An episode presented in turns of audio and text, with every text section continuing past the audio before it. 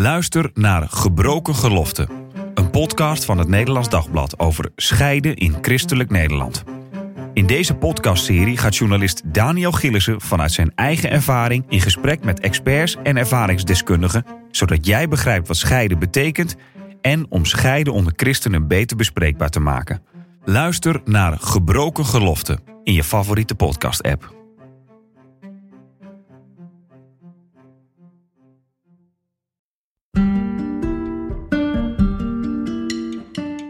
Leuk dat je luistert naar de Relatiepodcast. Iedere week praten we hier over liefde, relatie en seks. Vanuit christelijk perspectief. Welkom, leuk dat je luistert naar de Relatiepodcast. Mijn naam is Annemijn Walraven en ik neem even de Relatiepodcast over van Marien, omdat hij met ouderschapsverlof is. Deze week praat ik met relatiecoach Kokkie Drost over als een goede vriend of vriendin volgens jou geen goede relatie heeft.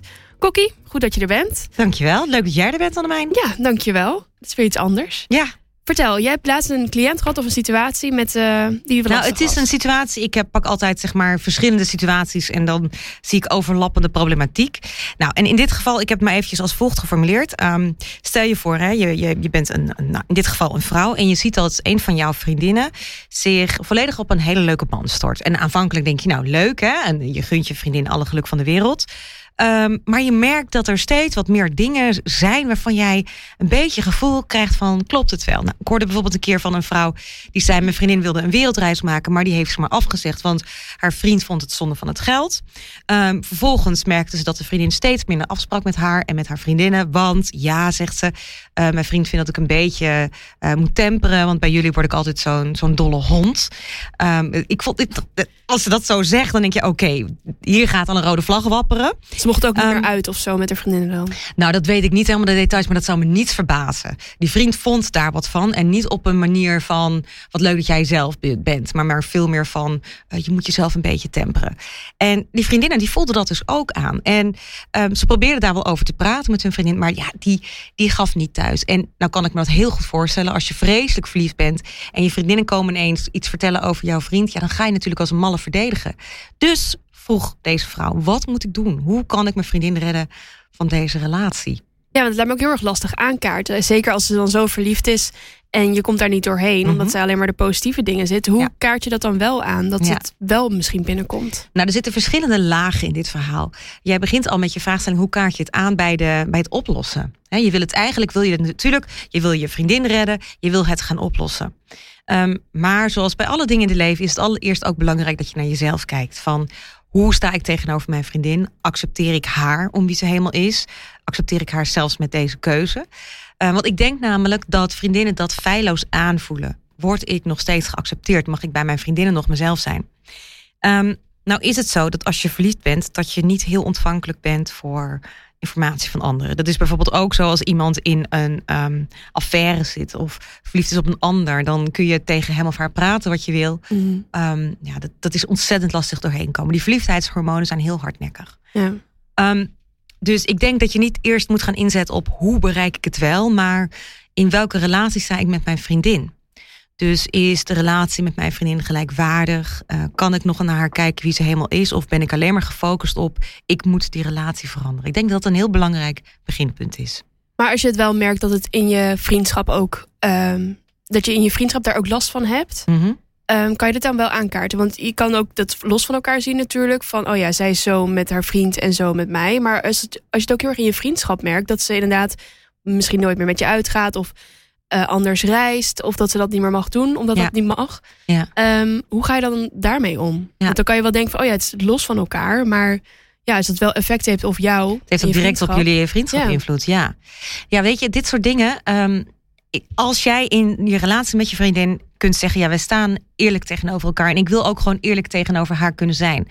Ehm, kijk, weet je, ik krijg heel vaak, dit soort. Ja, ik maak me zorgen om dit vriendje, want. eh, ehm, nou, noem eens iets. Ze is ineens ehm, naar een andere kerk gegaan. Of ehm, eh, ze houdt ineens van klassieke muziek. Nee. Of ze eten ineens Chinees. Ja, ik zeg maar wat, hè. Dat deze normaal nooit. Kijk, het is normaal dat een relatie je beïnvloedt. Mhm. En wij vinden daar al heel snel wat van, van een ander. Ik weet niet, eh, momenteel speelt zoekt vrouw. Ik weet niet hoe jij er naar kijkt. Maar ik vind van al die relaties die daar Zeker, ja, nee. De, beginnen, vind Ja. ik wat, weet je wel. Zo Ja. kijken we er natuurlijk allemaal naar. Ehm, en het is best lastig om ontvankelijk te kijken naar mensen die elkaar vinden, hoe zich dat gaat ontwikkelen. Dus het is normaal dat er, een ehm, ja, ontwikkeling plaats heeft die ook effect heeft op nou ja, de vriendschap die je hebt met een vriendin die een relatie krijgt. En dat is natuurlijk niet altijd leuk. Het is namelijk normaal dat als je een relatie krijgt, dat je wat minder afspreekt met je vrienden of vriendinnen. Eh, simpelweg omdat je gewoon heel graag bij jouw geliefde wilt zijn. Dat, dat, dat is ook normaal. En dat vormt zich vanzelf ook weer in de loop van de tijd. Dat je wel wat meer tijd weer gaat doorbrengen met je vrienden. Maar in dus dit, eigenlijk in het begin moet je het dan nog gewoon langer afwachten van oké, prima. Ze heeft net een nieuwe relatie. Ik denk het wel. Ik denk dat je wel het wel even tijd mag geven. Ja. En dat bedoel ik dus ook met even een laagje dieper naar jezelf kijken. We vinden heel snel al wat van een andere relatie. En daarom is het dus ook juist belangrijk dat je nog wel de manier waarop je naar je vriendin kijkt, dat het nog steeds een goede manier is. Dat je haar geluk voor ogen hebt. En dat je dus inderdaad wel kunt zeggen, nou, ze spreekt minder met ons af. Maar goed, dat zegt misschien ook iets over jou. Ja. Misschien ben je, ja, jaloers is meteen een naar woord, maar misschien mis je er wel in, in een vriendschap. Ja. Of uh, misschien heb je een beetje heimwee naar hoe het was. Dat je samen op, uh, nou weet ik veel, avonturen ging of op vakanties of zo. Dat, dat kan. En maar even terug naar jouw vraag. Wat als het jullie relatie belemmert? Ja, ik denk dus dat het per definitie iets met je relatie doet als jouw vriendin. Hè, jij bent onderdeel van een vriendinnengroep of je hebt gewoon een hechte vriendin. Als dan een van jullie twee een relatie krijgt, dan doet dat zeker wat met je relatie. En um, die veranderingen die zijn niet altijd makkelijk. En inderdaad, wat je zegt, je moet het soms even wat tijd geven om het zich goed te laten plooien. Dat jij je er ook goed bij voelt. En dat is soms lastig. Dat geeft ook niet zozeer. Um, maar meteen beginnen met kritiek, dat gaat ze voor altijd onthouden. Ja. Um, en stel je ervoor dat ze ermee gaat trouwen. Hè? En dan zit jij daar met jouw allereerste vooroordeel over de man in kwestie. Dat gaat ze niet meer vergeten. En dat kan natuurlijk best iets in jullie vriendschap kapot maken. Mhm. Dus ik zou zeker ook een beetje terughoudend en voorzichtig zijn in het oordeel de, de, erover. Maar, stel je voor dat ze wel serieus worden. Dat je in het begin Ja. denkt, nou, dit, ik zie dat niet voor me, maar het komt wel. Nou ja, ik wacht het even af. Ik ga een jaar eh Kokkies eh, advies opvolgen en ik ga er niks van zeggen. En Maar als je dan na een zit jaar. geen tijdspannen aan Nee, hoor. Kan ook maar- eh, drie weken zijn. Nou, als je dan twee jaar hebben ze verkering, ze Ja. raken verloofd, ze gaan trouwen. En jij denkt echt, ja, ik weet het niet. Dit is echt mijn beste vriendin of dit is of een, mijn beste vriend. En ze maakt gewoon een grote fout. Wat? Nou, dat Ja. zit eigenlijk al in het begin. Kijk, stel je voor jouw vriendin vraagt: wat vind je van hem? Wat vond je van hem? En jij zegt: Nou, ik vond zijn broek lelijk. Of wat een gek kapsel. Ja, dat soort oordelen, die zou ik lekker achterwege houden. Maar ga veel meer zitten. Ga veel meer kijken naar wat voor een type is het. Zorgt hij goed voor haar? En zeg bijvoorbeeld dingen als: Ik vond het zo lief dat hij je hand even pakte op dat moment. Of zeg dingen als: Ik vond het zo leuk dat hij even jouw arm eh, zocht toen en toen. Zoek dat soort dingen op. Zoek dat soort oordelen op wat jij leuk vindt in de partner, de potentiële partner van, van jouw vriendin. Um, en als je dat dus niet ziet, dan komt er een moment dat je kunt zeggen: hé, hey, ik, ik merk dat hij eigenlijk nooit laat zien dat hij gek op je is. Doet hij dat wel als jullie Mm. samen zijn? Gewoon een beetje zo objectief. Of vindt hij dat raar omdat wij erbij zijn, weet je wel? Ja. Uh, net alsof je een beetje, huh, huh, gewoon een beetje domme vraag stellen, zonder dat er meteen een oordeel in zit. Maar daarbij zit dus een verschil in de manier waarop jij uh, een oordeel velt over de partner van, van jou of van een van je vrienden of vriendinnen. Ja. Um, en ik denk dat dat niveau wat ik net benoemde over de affectie die je tussen twee mensen ziet, dat je dat benoemt. Um, dat je ziet dat. De, en dat is eigenlijk het belangrijkste. Hè, van, wat, wat is nou? Want dat is eigenlijk de vraag waar we moeten beginnen. Wat is geen goede relatie? Wanneer moet je je zorgen maken? Ja, want als buitenstaander zie je ook niet altijd Nee. alles van een hele relatie. Nee, dus het is precies. natuurlijk momentopnames. Ja, dat ook. En uh, kijk, ik heb een bepaalde uh, bepaald idee bij wat een goede relatie is, maar dat is wat voor mij werkt. Um, en ik zie bij mijn cliënten, die hebben allemaal weer andere relaties, hebben allemaal hun eigen verhaal. Wat, en wat voor jou goed is, is voor een ander misschien weer niet goed. Dus de definitie van geen goede relatie, die is niet voor iedereen precies hetzelfde. Maar ik denk een paar basisdingen zijn er wel in wat er geen goede relatie is. Um, als jij merkt dat je niet meer jezelf kunt zijn in je relatie, dus dat je je heel erg gaat aanpassen voor de ander, omdat je bang bent om zijn of haar liefde te verliezen, of omdat je bang bent dat de ander jou afkeurt, dan doe je namelijk ook afbreuk aan jezelf. Dan verdwijn je zelf een beetje en verander je steeds wat meer in de ander. En dat lijkt aan het, aan het begin misschien heel leuk, want dan krijg je compliment en jullie zijn het altijd met elkaar eens. Maar er komt dan op een gegeven moment in je relatie een fase uh, waarin jij je af gaat vragen: wie ben ik eigenlijk? Wat vind ik eigenlijk belangrijk? Um, ik heb mijn hele leven alleen maar gedaan wat hij of zij wilde. Hallo, dat is dus uiteindelijk ook niet goed voor je relatie. Dus geen goede relatie dat voor een buitenstaander misschien ook wel geen, gewoon even fijn om te weten, is dat je ziet dat jouw vriend of vriendin echt iemand anders is. En dat je merkt, hij of zij verliest steeds wat meer van zichzelf. Ik denk dat dat een belangrijke um, een belangrijke is. Een tweede indicatie voor geen goede relatie is dat je emoties niet veilig zijn bij de ander. Merk je dat jij bijvoorbeeld iets kwetsbaars vertelt en die ander gaat daar ja, gewoon belachelijk mee om, of die houdt daar nooit rekening mee, of die zegt alleen maar ja, dat is jouw probleem, dan is er dus geen veilige emotionele uh, basis. En ik kan me voorstellen dat als jij dat als vriend of vriendin ziet gebeuren, um, dat je dan wel even denkt van, huh, dit, dit zou ik niet leuk vinden. En ik weet dat hij of zij dat niet leuk vindt. Maar als, moet hij dat dan bij die vriendin doen of bij mij? Dus als ik bijvoorbeeld als ik dingen deel, dat hij er zo op reageert of dat die vriendin dat. Bij zijn vriendin, bij, bij, bij, zijn vriendin, bij haar vriendin. Ja. Dat is anders dan bijvoorbeeld in de vriendengroep of zo. Het is echt tussen hun twee. Ja, ja. ja dat is dus ja. Ik probeer eventjes te, te begrijpen wat je zegt. Kijk, als jij jouw vriendin bijvoorbeeld, die heeft een vriend en die maakt jou af en toe belachelijk. Hmm. Dan kun jij wel helemaal niet leuk vinden. Um, maar misschien gaat hij met de emoties van je vriendin alsnog wel veilig om. Ja, dus dat is anders. En is dit gewoon tussen hen iets wat, nou ja, dat kan. En ik kan me voorstellen dat jij dan de neiging hebt om daar snel over te gaan oordelen. Um, en ik zou ook gewoon tegen mijn vriendin zeggen van ik vind het helemaal niet leuk dat hij dat doet. Of tegen hem van ja, uh, leuk dat jij dat zo leuk vindt, maar ik hou hier niet van. Zo, ja. Nee, maar hoe hij dus met de vrienden omgaat is heel anders dan met. Dus dat weet je niet zeker, natuurlijk. Maar het, je moet niet direct al de conclusie trekken. Dit doet hij bij ons, dus doet hij dat ook bij nee, precies. Uh, mijn vriendin. Ja. ja. dus dat, dat is allemaal iets waar, waar, waar we eigenlijk heel snel geneigd zijn al een oordeel over te vellen. Uh, maar wat dus vraagt om voorzichtigheid. Maar nou heb ik twee indicaties genoemd van wat geen goede relatie is. Dus um, dat je emoties niet veilig zijn en dat je eigenlijk ook niet jezelf kunt zijn. Um, als je dat soort dingen merkt bij jouw vriendin, op een bepaalde manier hoor. Dat je dus uh, misschien dat je merkt van wow, als ze over de als ze bij ons is, is ze veel uitgelatener, vrijer dan wanneer hij erbij is. Ik zou dat zeker eens benoemen. Maar dan, en dit is een heel belangrijke, het laatste wat je moet doen, is als vriendengroep een soort van front vormen tegen die ene vriendin. Want dan ben je dus intervention. Meteen, ja, nou ja, weet je, als, als er echt iets in de hand is, kun je dat overwegen. Maar um, gewoon in een, een liefdevolle vriendschap waar je kwetsbaar bent kunt zijn met elkaar, kan dat natuurlijk meteen alleen alleen maar de verdediging oproepen van de ander. En dan ben je eigenlijk de verbinding of de ingang kwijt. En dat is zo zonde. Dus ik zou echt veel meer inzetten op. Um, gewoon vanuit je eigen uh, waarneming van hé, hey, ik zag dat gebeuren. Is, is dat oké? Voel jij je daar wel goed bij? Maar ook meer één op één dan en niet ja. in groepsverband. Ja, en ook vanuit je eigen waarneming en checken van, van heb ik dat goed gezien? En voel je je echt wel oké bij, bij hem? Of ben je soms heel bang om hem te verliezen, zodat je dan weer alleen bent? Of weet je, ik, ik heb wel eens uh, terugdenkend bij, bij sommige mensen dat je gewoon weet, dit is niet oké. Maar het was niet mijn plek om daar iets van te zeggen. Dat, dat, dat kon niet. Um, en ik had misschien. En waarom ook, dan niet?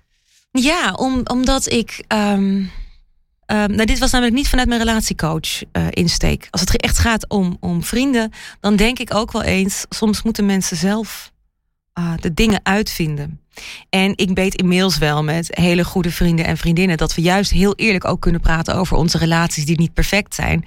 Um, en met vrijgezelle vriendinnen juist praten over wat er heel mooi is aan mm. een relatie. Of als iemand aan het daten is, wat, wat zoek je dan in een ander? En dat ik vanuit dat perspectief ook juist deze twee items benoem. Emotionele veiligheid en ook gewoon echt weten, ik voel me, ik voel me uh, veilig en oké okay bij deze persoon. Dat zijn de belangrijke, stabiele Ja, want ik zie dus ook wel eens, en dat is misschien ook wel doordat ik getekend ben door mijn werk, is dat als het evenwicht er niet is, hè, dat is dat er één duidelijk um, ja, dat noemen ze dan de bovenliggende partijen. Ze krijgt daar meteen allerlei beelden bij, maar goed. Um, weet je, soms dat kan eventjes zo zijn en soms ontplooit zich dat ook wel weer. Daarom is het dus belangrijk dat je het ook even wat tijd gunt. Maar stel je voor, jouw vriendin heeft een vent en jij hebt zo geen klik met hem. Hij heeft voor jouw idee geen humor. Hij is, nog nog eens iets heel iets stoms. Um, onaardig. Onaardig. Onsympathiek. onsympathiek. Um, oh, wat ook zo'n ding is. Um, hij splitst de rekening. Oh, Hij betaalt ja. niet. Ja, Ja. Nou, hè, dat kun jij. Dat kun jij op afknappen. ja. Maar je weet niet, is zij nog zichzelf bij hem? We- weet je dat? Ehm, en als je daarop kunt zeggen, ja, ze is wel echt zichzelf. Dat, dat is dan een hele belangrijke. Ehm, merk je dat haar emoties veilig bij hem zijn? En jij denkt, ja, dat, dat is wel zo. Dan kun jij hem lomp, onsympathiek en gierig vinden. Maar dat is even niet per se heel relevant. Nee, want het gaat om wat zij ervan vindt en hoe zij er zich Ja. voelt. En het kan dus ook betekenen dat jij een knop om moet zetten. Van wacht even, ik ga ook zoeken naar de leuke kanten van deze kerel. Nou, en misschien kom je erachter, ja, dit is niet mijn type. Dat kan. Die zijn er niet, die leuke kanten. Maar Ja. dan moet je het alsnog loslaten van... Dan mag je misschien bij jezelf te raden gaan om dat te zoeken. En, maar Ja. soms is het ook niet anders. Dan heb je niet een klik met een partner van je vriendin. En dat is ontzettend lastig. Maar dan zul je op een volwassen manier ook gewoon de conclusie moeten trekken. Lekker één op één met je vriendin afspreken. Ja. En soms met, met z'n drieën. En dan weet je gewoon, nou ja, eh, ja dit, dit, dit is wie die is. En, maar goed, zij, zij vindt hem leuk. En dat kan dus, want dit is even een belangrijke eh, opmerking erbij. Dat kan dus betekenen dat, dat jij misschien elke keer iets in moet leveren voor het geluk van je vriendin. Ja. En, maar merk je echt dat die twee belangrijke punten er niet zijn? Veiligheid is er niet, gelijkwaardigheid is er niet. Ehm, en je merkt echt dat je vriendin steeds wat kleiner Dan wordt. mag je het wel echt aankaarten. Zeker. En ehm, wat ik nog zat te bedenken, als jij dat ziet, maar je twijfelt misschien nog aan of je dat goed ziet of niet, kan je dit dan met andere vrienden bespreken of met andere mensen in Mhm. De omgeving? tuurlijk. Jawel, jawel. Ik denk dat het gezond is met het gevaar dat je dan Van gaat hey, ik zitten zie dit, roddelen en ehm, zie jij ja. dit ook? dat je vervolgens een hele avond alleen maar over die relatie zit te roddelen. Dat gebeurt ook volop, ja. Ja. En dan wordt het ineens nog veel erger dan het in jouw hoofd al was. Dus ik zou dat dan niet heel uitgebreid met eh, een vriendengroep gaan bespreken. Maar misschien ook gewoon met één iemand die jij vertrouwt. Van wie je weet, hey, die houdt ook van hem of haar. Ehm, ik maak ook wel eens mee dat mensen zich echt zorgen maken. En vanuit dat perspectief mij een berichtje sturen van... eh, ehm, moet ik me hier zorgen om maken of niet? En ik vind daar ook vaak wel heel veel liefde in zitten. Dus ehm, Ja, je gunt iemand het beste natuurlijk. ja, maar het gevaar is er wel bij aanwezig... dat je eigenlijk vanuit je eigen bemoeizucht... Jij vindt dat het beste Precies, is. ja. precies. En ik vind dus dat heel belangrijk dat je jezelf daarop toetst. Wat is jouw motivatie om eh, iets te vinden van die relatie? En ehm, natuurlijk hou je van je vriendin. Althans, daar ga ik me even vanuit als het je raakt. Ehm, maar misschien dat je ook wel gewoon... Ja, stiekem jaloers bent, wat ik net al zei. Of ja, eh, nou, ik, eh, ik had daar wel wat beters gegund. Ja, dat, dat kan. Maar als zij met deze persoon eh, dit leven wil gaan doen... ehm, en, en jij ziet ook, oké, ze is zichzelf, eh, ze voelt zich emotioneel veilig bij deze persoon. En deze persoon heeft oprecht oog voor haar emoties en wil dat zij tot bloei komt. Weet je, ik heb wel zulke dingen meegemaakt, dat is wel bijzonder eigenlijk, als trouwambtenaar. Dat is een heel andere kant van Oh, mijn ja? werk. Ja, dat ik een, een stel ging trouwen en ehm, had ik aan vrienden gevraagd of een familie, kun je iets leuks vertellen over dit stel? Ja. Nou, iemand nou eigenlijk niet. Het is, ja, ik weet niet of dit wel zo'n leuk stel is. Ik snap niet waarom ze gaan trouwen. Ja. Ik maak me een beetje zorgen, Ja. want ik zie eigenlijk nooit dit en dat. Hè. Ja. En ehm, ik praatte met dat koppel en ik begreep het. Ik denk, oh ja, dit is de buitenkant die ze laten zien.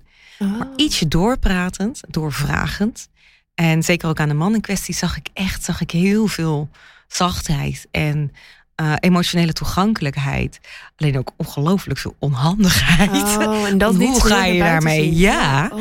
Ja, ja en eh, ik hoorde later ook van dat ik kreeg dat nog terug van dat familielid, was een familielid in dit geval. Van we hebben op hun trouwdag echt een kant gezien die we niet kenden. En daar zijn we zo blij mee. Ja, maar dat is soms echt heel erg mooi bij zo'n trouwdag. Dat je dan ook verhalen hoort, ook van andere familieleden. En zo Ja. je denkt, oh, zit dit achter jou? Wat cool. Ja. Dat je dat ook, ehm, als je iemand niet zo persoonlijk kent of zo diepgaand kent, maar dat je Ja. het wel van andere mensen hoort. Van, Ja. Of van elkaar inderdaad, van stellen, omdat je natuurlijk de helft niet ziet. eh, van wat er in hun relatie gebeurt. Maar als je dan de verhalen van hunzelf hoort tijdens hun geloftes, dat je denkt, oh, dit zit er helemaal achter. Ja, ja. Dat is misschien wel goed inderdaad om in de gaten te houden, wat je net al zei. Van, Dat je oh ja, soms ook wel eens terug mag komen. Nou, en stel nou voor, Annemijn. Jij hebt wel dat rotgevoel. En je hebt geprobeerd om het erover te hebben. En je, ja, je krijgt eigenlijk geen respons. Wel tegen muur aan. Ja. En je vriendin gaat alsnog trouwen. En wat dan? Hoe kun je er dan voor haar zijn? Ja.